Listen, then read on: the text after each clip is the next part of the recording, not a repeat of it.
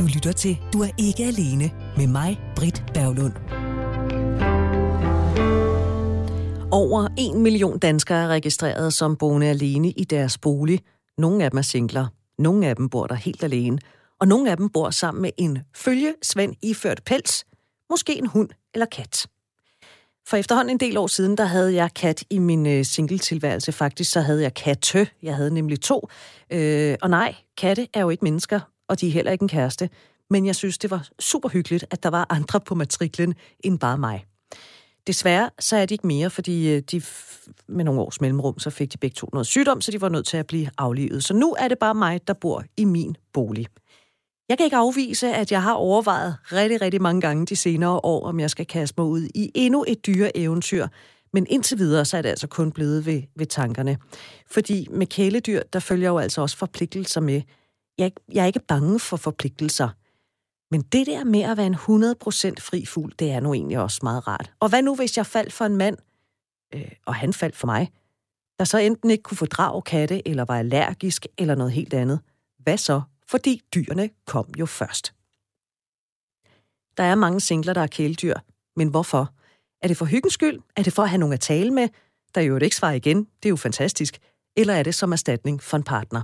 Alle singler har nok været deres grund til at have det dyr, de nu engang har. Og singler og kæledyr, det skal vi tale om i den her udgave, at du ikke er alene. Og det er fordi min medvært Rikke Schubert har foreslået, at vi skal tale om netop det. Inden du får lov til at hilse på Rikke, så vil jeg lige opfordre dig til at skrive til mig om, hvad du synes, at programmet her skal handle om. Mailadressen, det er den sædvanlige ikke alene, snabelag radio4.dk. Og så skal du hilse på Rikke, og ligesom... Øh, de foregående uger, ja, så er vi jo altså stadigvæk underlagt restriktioner, og derfor så er Rikke med på en forbindelse ud fra, fra virkeligheden. Måske ovenikøbet med sit kæledyr liggende ved sine fødder. Hej Rikke. Hej Britt. Ligger Stella ved dine fødder? Altså hun ligger ikke lige ved mine fødder, og hun ligger heller ikke inde i min seng. Så hun ligger nok nedenunder på sin pude. tak fordi du vil være min øh, medvært i dag, Rikke Schubert, som er filmforsker, underviser og, og forfatter. Jeg har jo en mission om, Rikke, at ingen må betragte single-livet som tabu eller noget taberagtigt, fordi vi har alle sammen været der på et eller andet tidspunkt i vores liv eller i hvert fald tæt på de fleste af os. Øh, som mig for eksempel. Jeg har været efterhånden, lige nu har jeg været single i syv år, og så har jeg altså også været det tidligere i livet. Rikke, når du lige sådan skimmer dit voksne liv igennem, fra du var 18, hvor mange års erfaring eller ugers erfaring har du så ud i det der øh, solotilværelsesliv? Ja, men når jeg tænker efter, så er det 11 år siden, jeg blev skilt. Og hvis man så lægger, fra, lægger til, øh, efter jeg fyldte 18, hvor jeg har haft et kæreste, før jeg mødte min mand, så tror jeg til sammen det er 17 år. 17 år, okay. Så vi har rigtig mange ja. år til sammen os to. Det er godt at høre. Hvorfor synes du, vi skal tale om singler og kæledyr? Og her, når vi taler kæledyr, så er det primært hunde og katte. Jamen, da du spurgte, hvad der kunne være tema for sådan et, øh, en, en, en single øh, ting, så øh, det, der fylder i mit liv og har gjort det lige siden jeg fik hende, det er min hund, øh, Stella. Og øh, mens jeg var gift, så var det med kæledyr nemlig lidt en diskussion. Og øh, jeg vil gerne have en hund, og min eksmand synes, at det havde vi ikke plads til i vores liv. Han synes, vi havde travlt nok. Og jeg synes jo sådan set også, vi havde travlt, men jeg tænkte, at sådan en hund ville jo give rigtig meget. Så det blev skilt. Så, øh, og mine børn sagde, mor, mor, må vi ikke få en hund? Øh, så var den, den, der egentlig mest gerne ville have en hund, var jo sådan set mig. og min datter ville sådan set gerne have en, en Grand Danois, og så var det, at jeg tænkte, at en Grand Noir, Grand Noir var en meget stor hund. og vi boede på fire sal, så jeg tænkte, at den havde nok også svært at gå hele vejen op på fire sal. Øh, men vi fik en Golden Retriever. Og på sin vis var det for mig, hang det at få en hund rigtig meget sammen med at lave en ny familie, der var min familie, baseret på, hvad jeg synes var nogle gode værdier. Og det kan godt være, at jeg havde travlt. Og jeg skal så hilse at sige, at jeg var sådan set bosiddende i København og pendlede til Odense, hvor jeg arbejdede på Syddansk Universitet. Så det var ikke fordi, at det var ligesom en nem ting at stå op, gå med hunden, og så pendle frem og tilbage og have to børn på deltid. Men når jeg kigger tilbage, så var det det hele værd. Fordi det blev faktisk til, at jeg ligesom gentænkte, hvordan synes jeg, man er en familie? Er der plads til et kæledyr? Og er der plads til mig og mine drømme og mine tanker? Og er der plads til mine børn, som jeg synes, der skal være plads til dem? Mm. Så det var det, hunden gav. Men du havde jo katte. Og så Ja, gik du ud og fik så- Stella. Hvorfor, og, der, og der må kattemennesket jo komme op i mig, og så kommer kløerne frem og siger, hvorfor hund i stedet for kat? Jamen, det var fordi, jeg kan egentlig godt lide begge dele. Altså, jeg var sådan, at hvis jeg nu boede øh, på en gård, så ville jeg bare have en masse dyr, fordi jeg elsker dyr. Ja. Så og jeg har også haft undulat, og jeg har haft skildpadde. Øhm, jeg kan egentlig godt lide dyr. Så jeg tænker, at det ene ikke udelukker det andet, men det, der konkret skete, det var, at det, det er sandt nok, jeg havde to katte, rødmis og sortemis, og jeg tænkte, der er også plads til en hund, fordi det her nye hjem, det skal være åbent. Men det, der skete, var, at rødmis og sortemis, de synes jo, stille invaderede deres territorie. Og øh, søde Stella, hun var bare en lille hundevalg, så når vi sad i, foran, i øh, stuen, og øh, kattene lå oppe i so, so, so, sofaen, og Stella tænkte, at nu skulle hun ligesom med ind og være med til, hvad vi lavede, så mine ka- katte der, de, væste, altså de rej, rejste pelsen, og det var bare sådan en og så får Stella væk.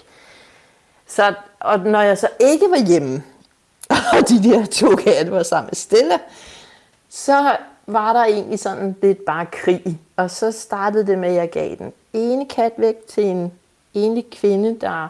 Det, vi var ude på Facebook, og det var venner, der delte med venner. Jeg havde den her kat, der søgte et nyt hjem, og den her enlige kvinde kom og besøgte os og hilste på Sortemis og tog hjem og overvejede, om hende og Sortemis ville passe sammen. Og hun ringede så tilbage og sagde, at hun havde tænkt over sagen, og hun ville gerne sige velkommen til Sortemis i sit hjem. Så Sortemis kom derhen. Og så var der stadig krig på kniven mellem den ene kat og Stella, så øh, Rødmis kom hen til min far, fordi hans kat døde. Så begge katte kom et godt sted hen. Og Stella blev boende, hvor Stella nu engang var flyttet ind. Ja, altså, ja. Og her er det, du spørger, hvorfor skulle kattene forlade hjemmet Nej, og ikke. Stella? Det, det har du fuldstændig ret Nej. i. Det var faktisk også, og, og det pinte mig, da jeg sagde farvel til, til sortemis og til rødemis, og da jeg sagde farvel til rødemis, der var jeg virkelig ked af, af det, fordi at rødemis havde brækket benet, og, og hun var en meget speciel kat, der havde været meget dyr. Fordi at hun havde ligesom fået brækket sit ben, og meget specielt, og samlet med tre søm, der skulle tages ud et af gang, og det blev mange penge til den på højskolen. Øh, og hun var en sød kat. Men det blev bare sådan, at i praksis, så gik det ikke godt at have både hund og kat. Det er derfor, man siger, at de lever som hund og kat.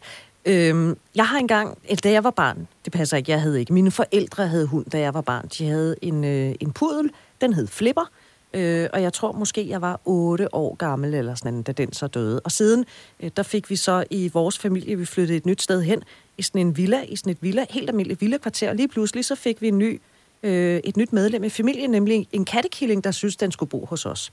Og siden da, der har jeg jo så været øh, kattemenneske. Så jeg ved jo godt, hvad det vil sige at have katte, og hvorfor jeg godt kan lide katte. Øh, men Rikke Schubert, hvad kan hunde, som katte ikke kan? Altså, en kat er sin egen, og en hund er sådan en, der rigtig gerne vil gøre dig glad. Hunden kan du lære ting. Hunden kommer, når du kalder. Du kan opdrage den den hunden passer også på dig. Øh, så en, en hund, tænker jeg, øh, hvis vi nu tager hunden for sig, så synes jeg, at hunden er ligesom både ens barn, og den er også ens kammerat, og den er også ens, øh, en, man leger med. Og den er også et kæledyr. Altså den, hunden ligger også op i din seng og, og vil gerne kæles med, som en kat også gerne vil.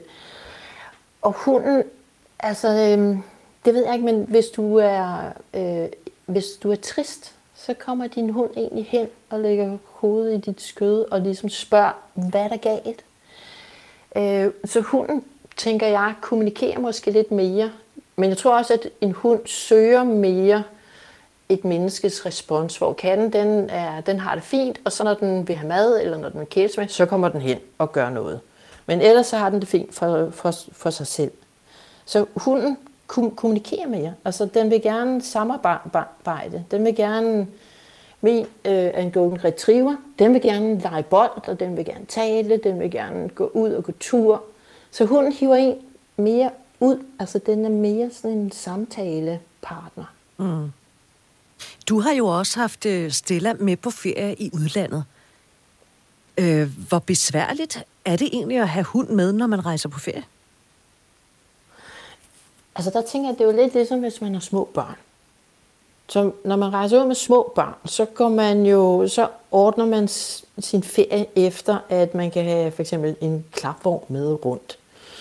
Øh, sådan noget. Ikke? Og når man rejser ud med sin hund, så skal den have et pas, øh, en ormekur. Det skal helst også, tænker jeg, være en sød hund, der ikke øh, bider folk, sådan, så du egentlig ret trygt kan have hunden med rundt. Øh, jeg har så kørt i bil øh, de gange, hvor jeg har haft Stella med, hvis, hvilket jeg har haft stort set alle 10, alle 9 år, jeg har haft hende. Der har jeg haft hende med til Barcelona. Jeg har haft hende med tre måneder rundt i Norge og Rusland og Rumænien og alle de der lande, jeg var rundt i. Øhm, så det jeg gjorde var, at når jeg bookede mig ind øh, på Airbnb, eller hvor jeg end øh, booket et sted, jeg kunne overnatte, så skriver man, at man har hund med, sådan så folk godt ved, at man har hund med. Øhm, og så er der måske noget med, at man ikke går på fin restaurant, men når det er sommertid, så kan man jo spise ude mange steder. Og der er rigtig mange steder, hvor du sidder, hvis du sidder ude, må du godt have, have hunden med. Så jeg tænker, at man egentlig bare indstiller sig på at have en, en ekstra person med. Pa- person, du kan godt høre, stille er jo nærmest ikke et dyr. men, men det fantastiske ved at have sin hund med, det er øhm, de der tre må- må- måneder, hvor jeg kørte rundt for, for, mig, for mig selv, så er der en, man kan tale med. Det er der hele, hele tiden. Altså, det er jo et fantastisk rum at være i, at man hele tiden har en, der synes, man er den bedste i hele verden. Og hvis man siger, skal vi til højre her? Yes, siger hun. Det synes jeg.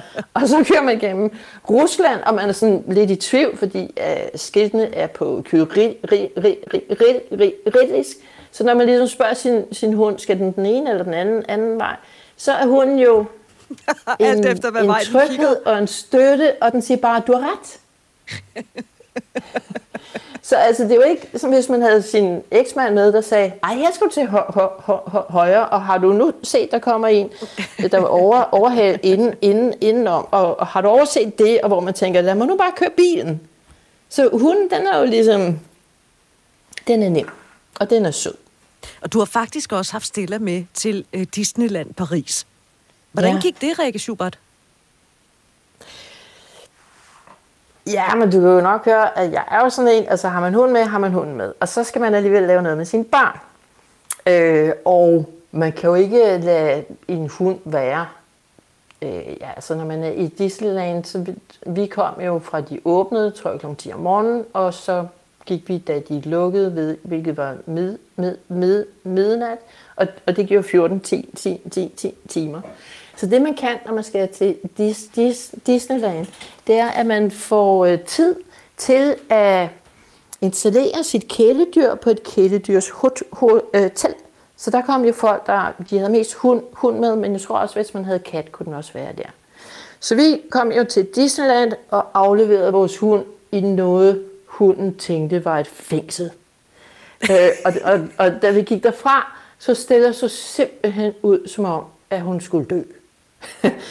øhm, og så havde de sagt, at vi kunne godt komme tilbage og lige gå en lille tur med, med hende. Så da klokken var to, så tænkte vi, nu tager vi lige hen til vores hund øh, og lufter hende. Og hun blev super glad, da, da hun så os. Ikke? Så hun ligesom, yes, jeg skal ud nu. Endelig kommer de og henter ud. mig. Ja, og gik tur med, med hende, og så gik vi jo tilbage, og hun kom tilbage ind i, i sit bur. Og jeg siger dig, jeg har aldrig set nogen, der så så trist ud. Altså, det var virkelig... Og resten af den tid kunne jeg ikke tænke på andet, end at min hund sad derinde i sit bur, og bare tænke på, hvornår den skulle ud. Men altså, det kan godt lade sig gøre. Men fik du ikke også lidt, altså...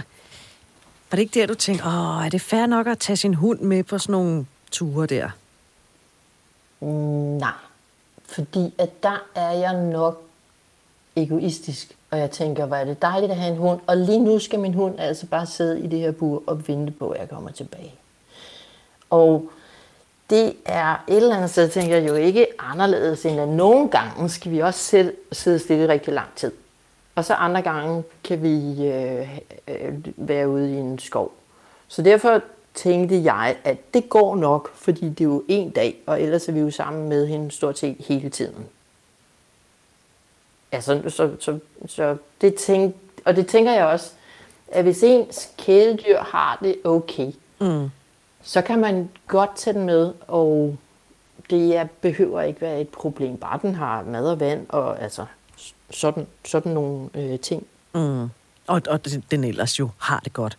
Altså, øh, Rikke Schubert, øh, man kan jo godt høre det lidt på dig, øh, at hunden er menneskets bedste ven. Det er der i hvert fald nogen, der siger. Og der er jo sket det, at både hunde og katte er kommet i utrolig høj kurs. Altså, vi har jo de seneste uger kunnet øh, læse i aviser og se ind i fjernsynet og høre om, at, øh, at vi danskere går kæledyrs amok. Der er simpelthen kendler, der ikke kan følge med efterspørgselen, og det kan internater heller ikke. Øh, alle vil have fat i en hund eller i en kat. Som hunde ja. elsker. Fordi det er du jo. Er det så ja. et scenarie, der glæder dig, eller giver det dig sådan lige lidt tekst ved det ene øje, fordi er der en risiko for, at der er gået mod i at have et kæledyr? Nej, altså jeg tror jo, altså mode og mode, ikke? det er jo ikke anderledes end at efter 2. verdenskrig, så havde man ba- ba- babyboom. Øh, så, så det jeg tror, det er, at fordi at folk går meget hjemme, så tænker de, hvad vil være virkelig fantastisk. Og jeg tror nok, at de fleste unge de, øh, jeg kan forestille mig, at der måske også bliver født mange børn nu. Øh, men altså det, man jo synes er det mest fantastiske, det er at få den her ting, som man kan holde af. Og for nogle er det et barn, og for mange er det så en øh, hund. Øh, så jeg tænker, at coronatiden egentlig gør, at vi udtrykker vores kærlighed mere, øh, fordi at vi bruger mindre tid på noget, der er pligt og job, og mere tid øh, i selskab med dem, vi hold, holder, holder af. Øh, og jeg vil da håbe, at når coronatiden den er slut, at de folk, der har fået hund, er glade for deres hund. Mm. Altså lidt på samme måde, som man er glad for sine børn. Øh, ja, for dem sælger man jo heller ikke, fordi man ej, kom om på altså, den anden side af tænker, altså det er ikke sådan, at man tænker, gud, nu har jeg fået det her karrierejob, så jeg sælger lige mine børn, eller jeg skaffer mig lige af med dem, fordi nu giver jeg den virkelig gas. Og jeg tænker, at folk har det på samme måde med deres hund. Og ved du hvad, Rikke Schubert, nu skal vi tale med en, der kan sige noget om denne trend, at vi øh, er blevet rigtig glade for kæledyr, og vi stort set har været det lige siden sidste forår. Du lytter til Radio 4.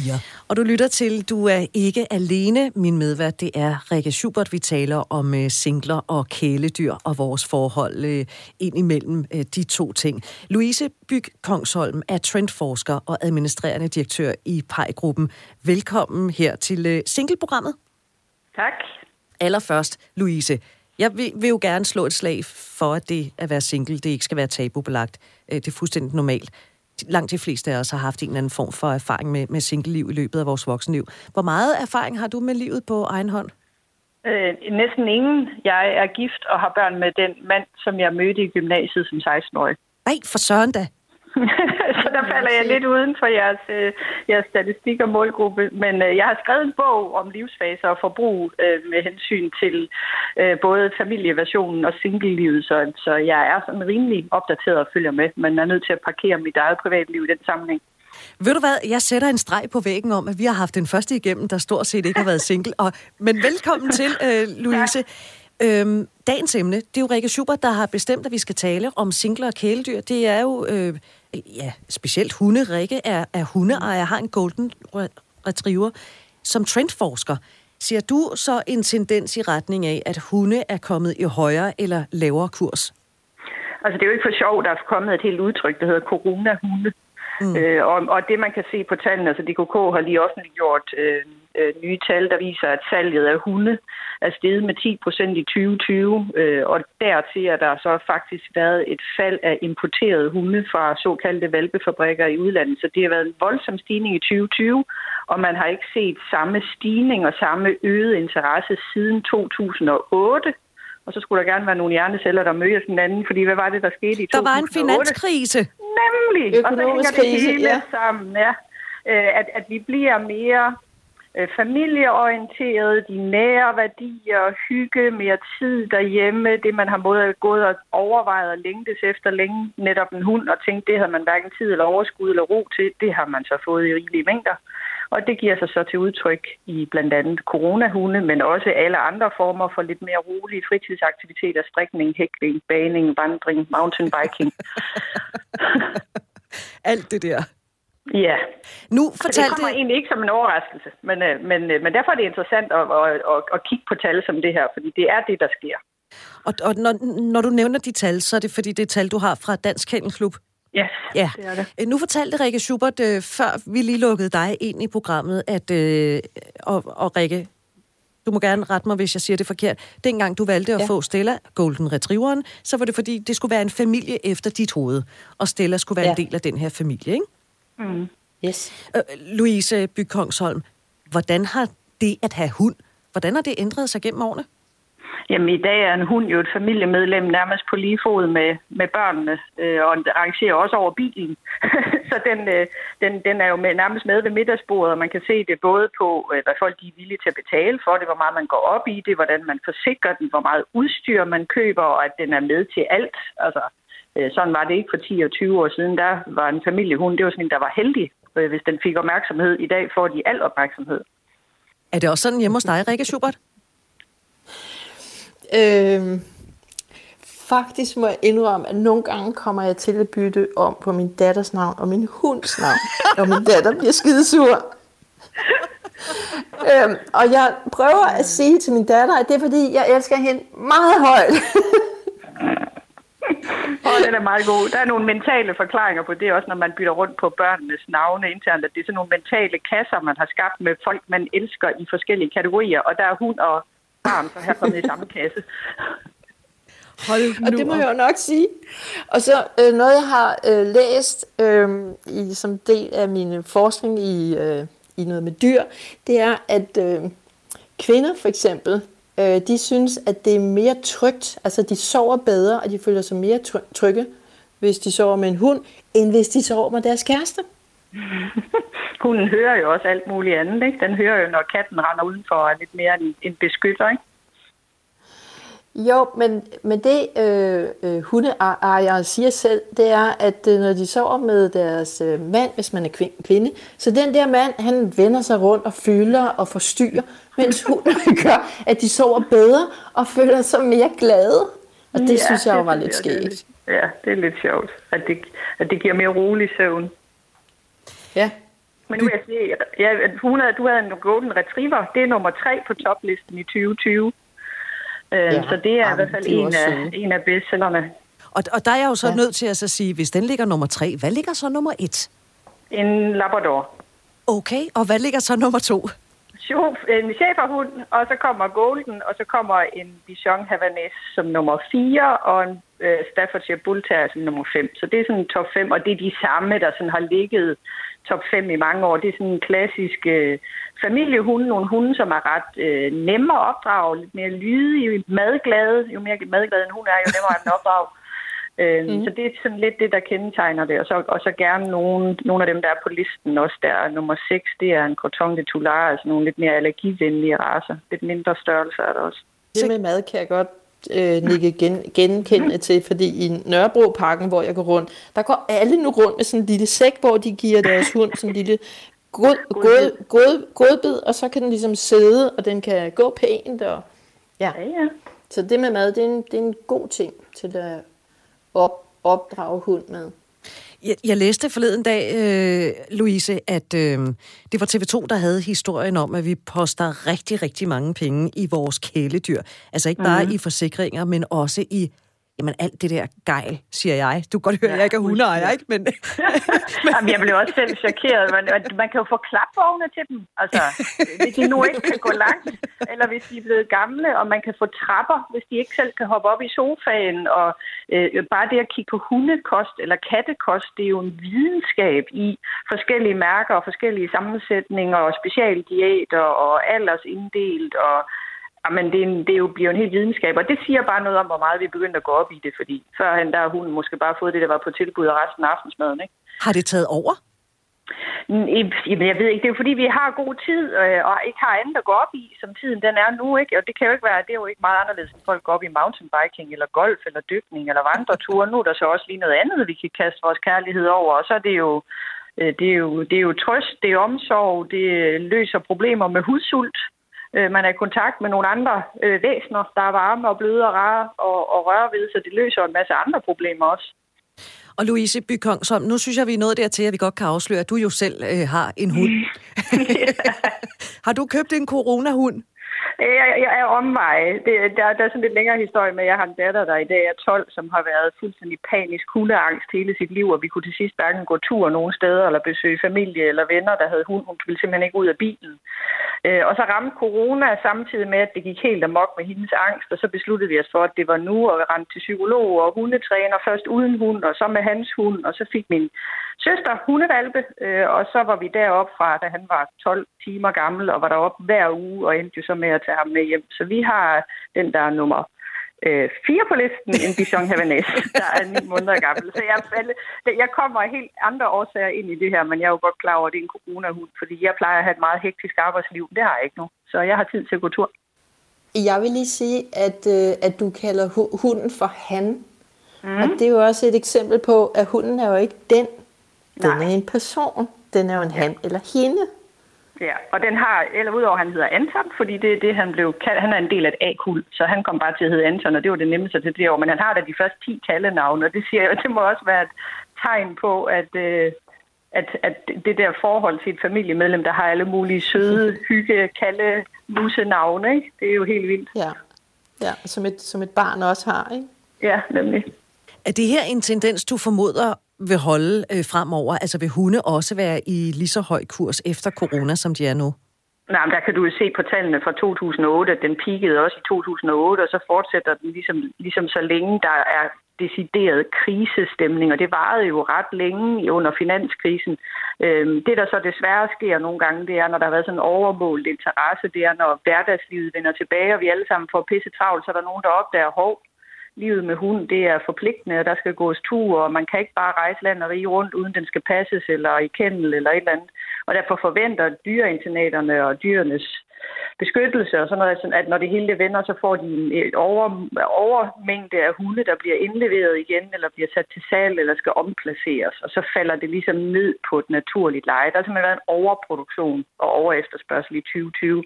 Det bliver der nok også i 21, fordi corona er her stadigvæk. Mm. Og tillykke med din coronahund, Louise Bykongsholm. tak. Trendforsker og administrerende direktør i PEJ-gruppen. Tak fordi, at du vil være med her. Det var så lidt. Nå, Rikke Schubert, øh, tror du, at der er en risiko for, at øh, nogle af de her hunde og også katte, som er blevet indkøbt og taget ind i familier her under corona, øh, de skal omplaceres, når hverdagen og, og ikke mindst den travlhed, der følger med en helt almindelig hverdag, den på et tidspunkt melder sig igen? Altså, Louise kan jo nok sin statistik. Så derfor, hvis hun siger, at et peak bagefter bliver fuldt af, at folk ligesom fortryder, så har hun jo nok ret. Men hvis jeg kigger rundt og kigger på de folk, jeg kender, der har fået hund, så synes jeg ikke, jeg ser nogen overhovedet, hvor jeg tænker, de kunne finde på at returnere den her hund. Altså, jeg vil da synes, det var virkelig trist, hvis folk gjorde det. Jeg vil da håbe, at corona måske har lært folk, at det er vigtigt at prioritere øh, deres kager, øh, og deres intimitet frem for det her job. Altså man kan i hvert fald altså, sige, i forhold til øh, finanskrisen der i 2007-8, der var jo ikke sådan, at folk blev sendt hjem for at arbejde hjemme i flere måneder ad gangen. Men det er vi jo Nej. blevet nu her, eller det er der rigtig mange, der er blevet, og der må, måske får de knyttet et tættere bånd til deres husdyr så.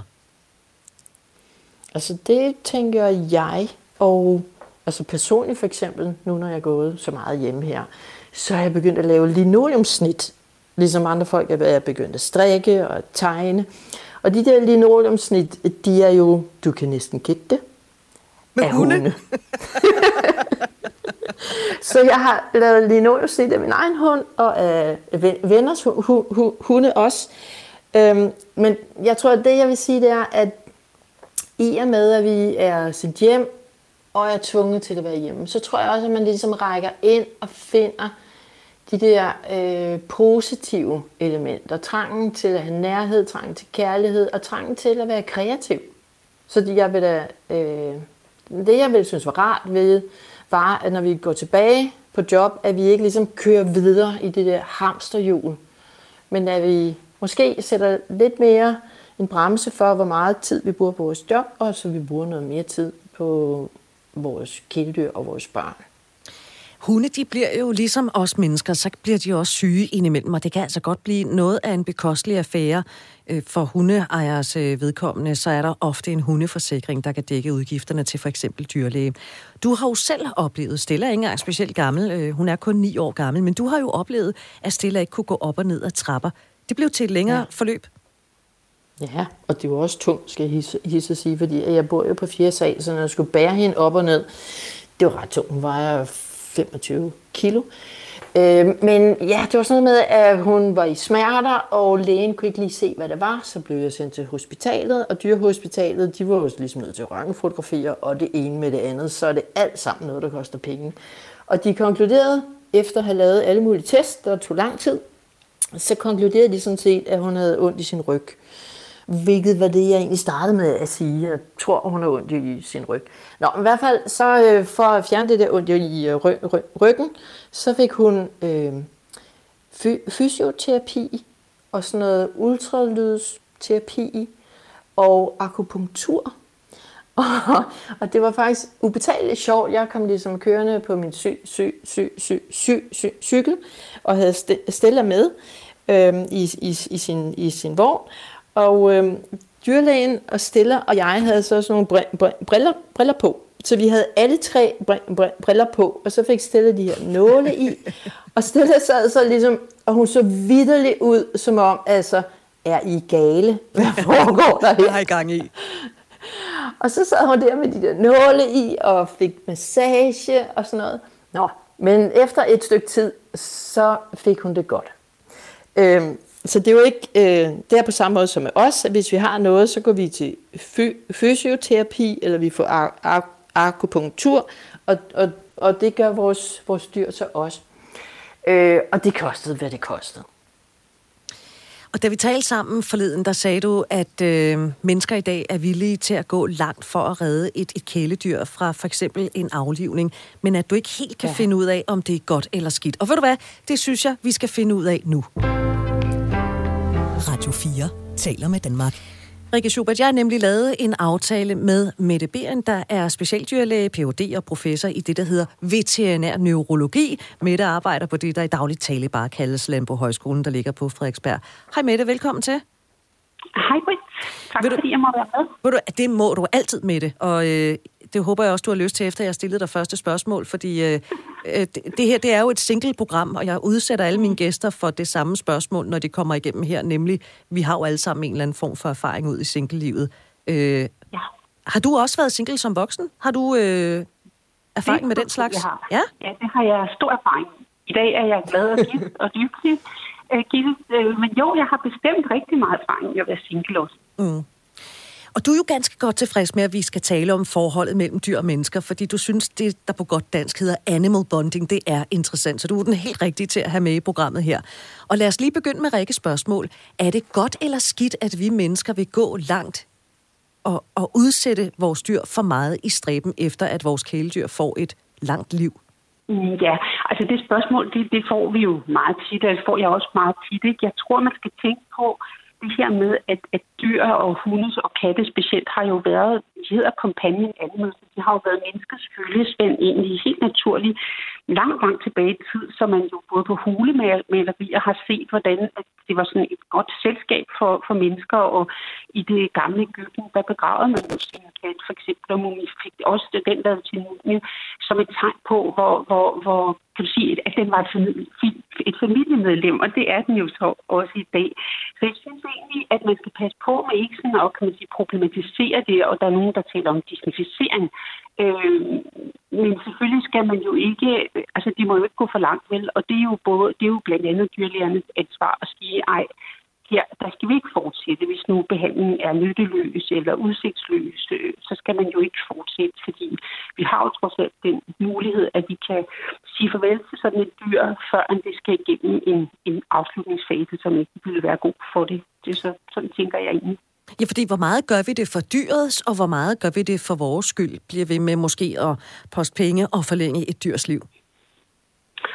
Øhm, ja, hvor meget gør vi det? Vi gør det jo klart rigtig meget for vores egen skyld, fordi vi kommer til at elske de her dyr højt. Jeg har jo selv haft en del dyr, og, og øh, så den der sorg, der er forbundet med at sige farvel til dem, er jo kæmpe, kæmpe stor. Øh, så selvfølgelig gør vi det også for vores egen skyld, men når det er sagt, så er det jo også et spørgsmål om, at når man har taget sådan et dyr til sig, øh, så har man et kæmpe stort ansvar, altså fordi de kan jo ikke selv, kan man sige, øh, ja, sørge for at få noget medicin osv. Så, videre, så, videre. så det er jo vores ansvar, når først de har sagt, jeg vil have en hund eller en kat, så er det jo os, der skal sige, jamen så vil vi også hjælpe den i den udstrækning, at det er ansvarligt. Ikke? Og det er jo der, hvor jeg tænker, at der skal dyrlægen jo i samråd med ejeren også være, altså finde ud af, hvornår er det, at det her, det, det, nu skal vi ikke fortsætte. Mm.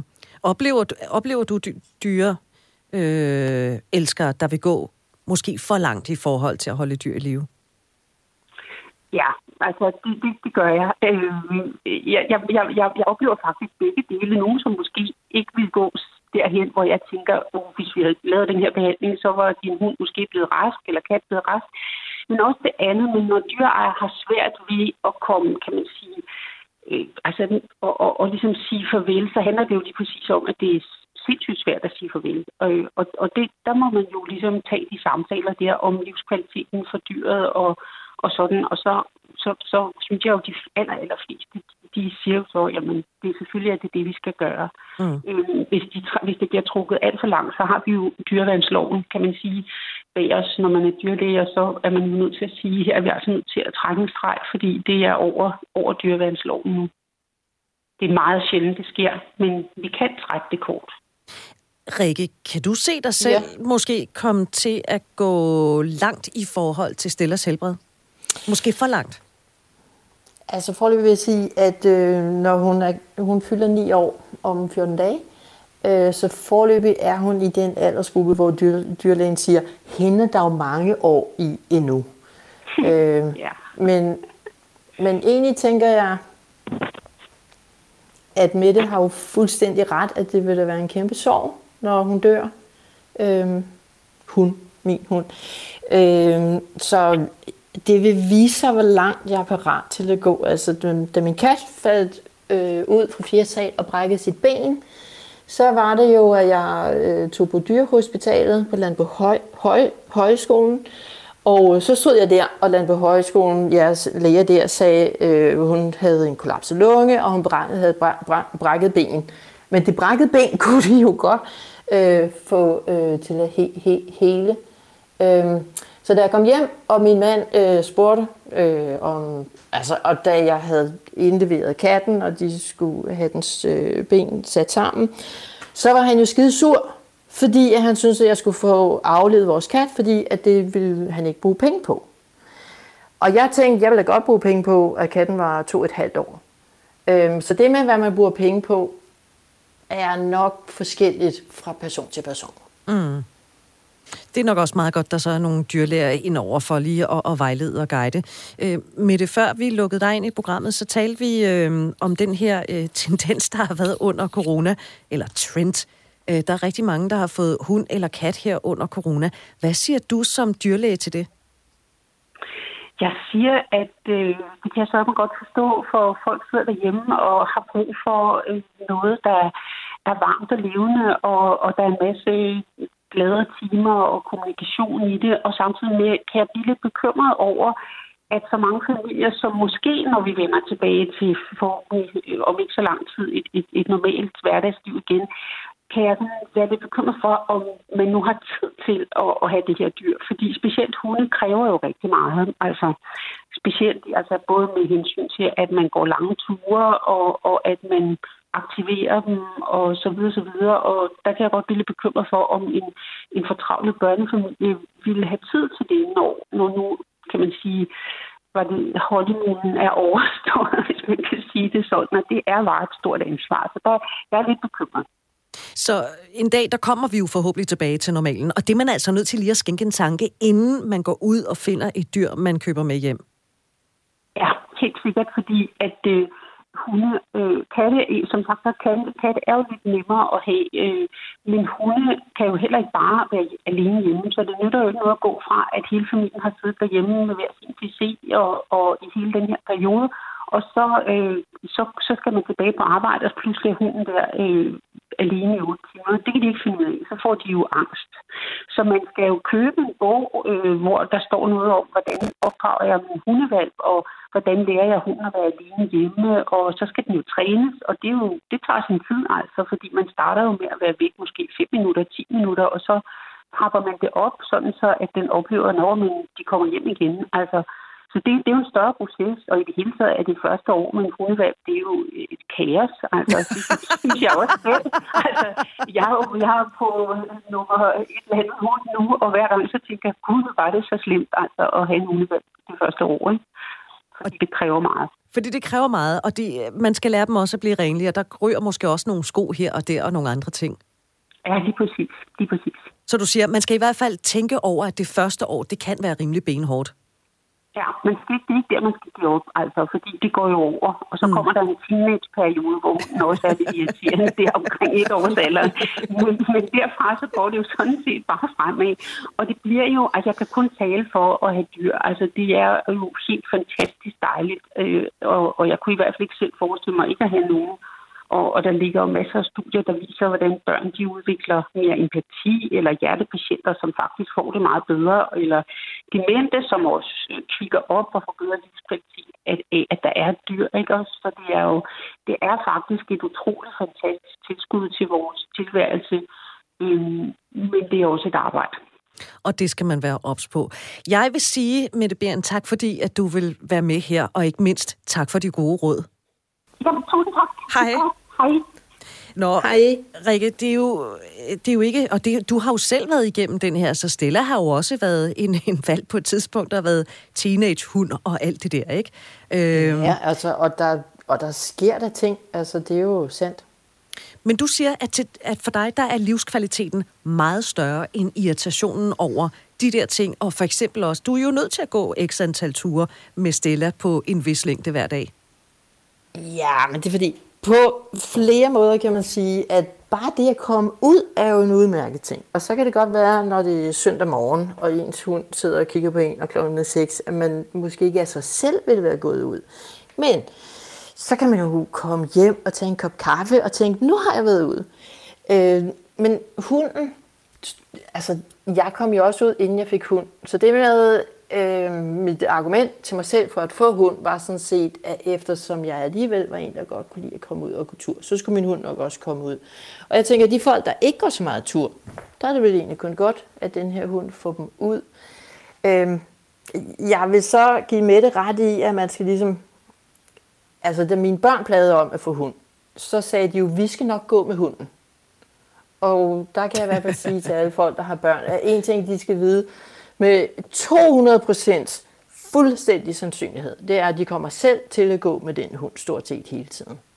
Og hvis deres børn skal gå med hunden, så skal de piskes ud og gå med den der hund. Fordi mine børn, de elskede deres hund overalt på jorden. Men min søn, han kunne gå sådan en lyntur rundt med vores hund, hvor han kom tilbage, hvor jeg tænkte, jamen jeg har da dårligt nok været ude. Jamen hun har været på toilettet. Øh, og så skulle jeg ud, jeg gik jo en halv time, eller i en time. Øh, så det med at gå ud med hunden, det, øh, man skal se på det som en glæde. Og i hvert fald skal man vide, at man, man skal gøre det hele selv. Ens børn gider ikke. Hvad betyder det for dig, at du har fået Stella ind i dit liv? Altså, jeg tror, at Stella har lært mig nogle gange det der med at give lidt ned at, at ligesom slappe af, at jeg var nok sådan en, der ville sidde ved min computer og køre i et arbejdshamsterhjul og sige, at jeg skal lige have en time til. Hvor når stiller så, hvis jeg sidder ved computeren for lang tid, så kommer hun simpelthen hen og sidder foran an, an mig med en, med, en, med en bold. Ikke? Og så, altså hun, hun kan jo ta, ta, tale, så det hun siger, det er, Rikke, jeg synes, du har siddet nok ved computeren. Skal, skal vi ikke ud? skal vi ikke spille bold?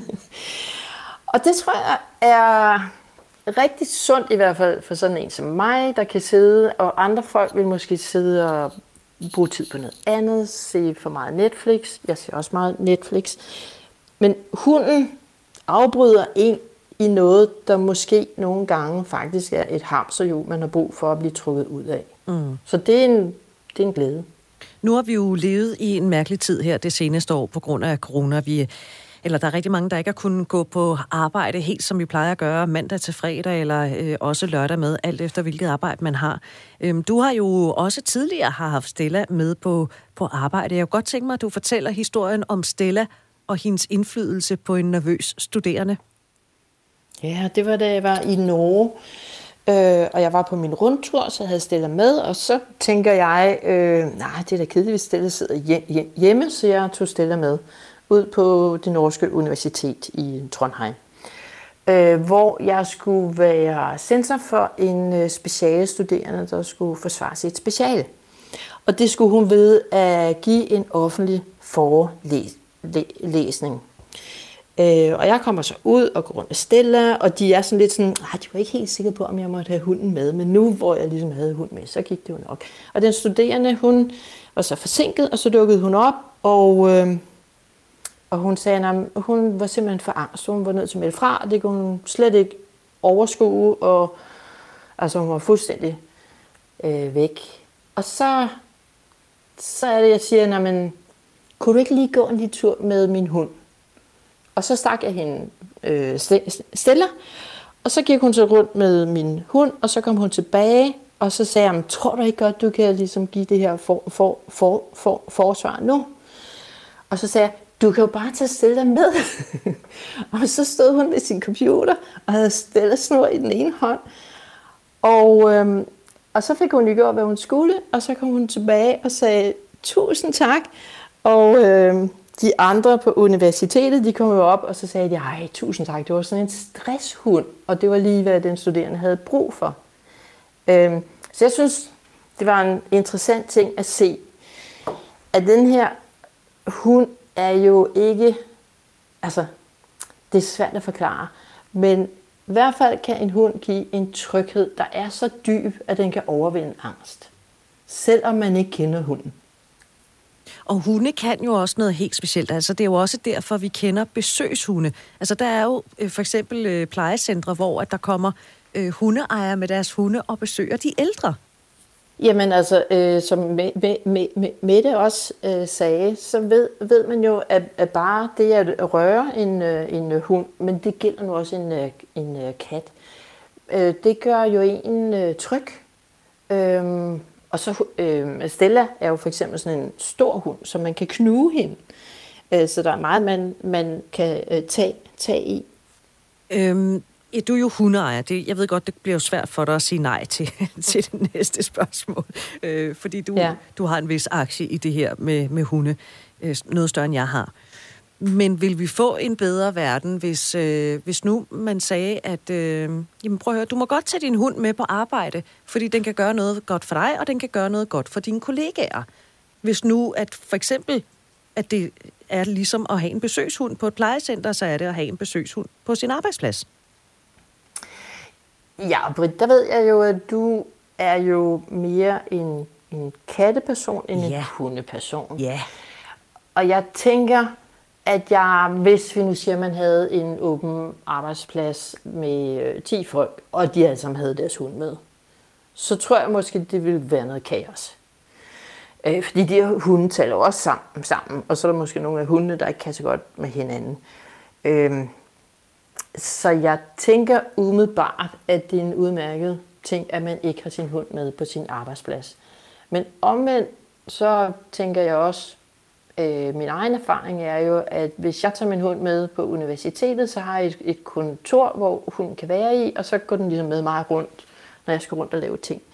Så i praksis har jeg kun oplevet, at det ikke var et problem for mig. Men det betyder ikke, at jeg vil øh, påtvinge andre folk at være sammen med min hund, hvis de ikke havde lyst til det. Mm. Øh, så jeg tænker ikke øh, umiddelbart, at man bare skulle gøre det frit. Men omvendt tænker jeg måske heller ikke, at man skulle gøre det forbudt. Altså fordi det kunne være, at der var steder, hvor de ville synes, det var en virkelig fin ting at have en hund. Ja, altså der kan jo være arbejdspladser, hvor at der sidder 10 mennesker, og så er det faktisk kun en af dem, der er hund. Og hvis nu det er en, øh, en mega sød hund, så kunne det jo være, at den rent faktisk kunne skabe noget glæde, i stedet for at den sad derhjemme og kedede sig, indtil ejeren kom hjem fra arbejde igen. Jamen har du ikke lagt mærke til, det har jeg, øh, når man går forbi sådan nogle butikker i gadeplan, og så nogle gange så er der en hund. Jo. Og det er fordi ejeren af den butik har sin hund med. Ja. Jeg Altså var, det har jeg da set mange, mange, mange gange. Jamen det har, det har jeg bestemt også. Øh, Jeg har faktisk oplevet på et tidspunkt, da jeg for efterhånden en del år siden, der var jeg på rejse i USA, og der kom jeg til Austin og gik ind i en lille butik, hvor ejeren havde sin kat med. Øh, det havde jeg så aldrig nogensinde oplevet før. Øhm, og den spankulerede bare rundt, som om, at jamen, det var jo dens hjem-agtigt, ikke? Øhm, Ja. men det kan, det kan Altså- jo noget, det der med dyr. Altså, jeg har prøvet i Amsterdam at gå rundt i butikker og købe mad. Og Britt, jeg kan fortælle dig, der lå kattene oppe i frugten. Ej, De lå simpelthen øh, oppe blandt med mad. Øh, og det var da fordi, at det synes ejerne egentlig ikke var noget problem. Og det var som mest kat, det var ikke hund. Øh, og jeg tænkte heller ikke, det var et stort problem. Men jeg tænkte, at hvis det havde været i København, havde man nok ikke set, at katten lå oppe i frugten. nej, altså det, det ville sgu det være var lidt sådan lidt mærkeligt. sket. Øhm, men altså, jeg tænker, at, at det er udmærket, at vi ikke har en masse hunde på vores arbejdsplads. Mm. Nu er det jo sådan, at øh, alt efter race og størrelse, så kan hunden jo blive... Øh, de kan restvæk blive sådan 12, 15, 18 år gamle, ikke? Ja, men Øh. øh. mindre det er en Grand Danois, så bliver den cirka kun 6. Ja, fordi det er jo en, en kæmpe stor hund. Øh, ja. Med udsigt til, at du kan måske stadigvæk have sådan en 7-8 år tilbage i Stella, også fordi, som dyrlægen siger, der er jo mange gode år tilbage i hende. Nu kommer jeg til at Ja. stille et forbudt spørgsmål. Har du nogensinde fortrudt, at du fik Stella? Nej, men apropos det med, at, hun er ved at blive gammel nu, så, så er jeg faktisk begyndt at tænke på, om jeg skulle få hund nummer to. Ah, Så- Sådan så, at jeg havde hund nummer to, inden hund nummer et døde. Og der tænker du, det er skørt, men det er det faktisk slet ikke, fordi det er der faktisk mange folk, der gør. Hvorfor? Og en veninde, jeg har i Australien, hun har nem, nemlig nu fået hund nummer to.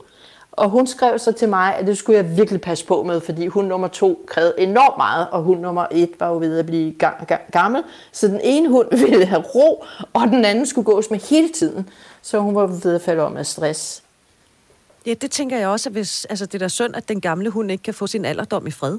Så kommer der sådan en youngster og bare og spolerer det hele.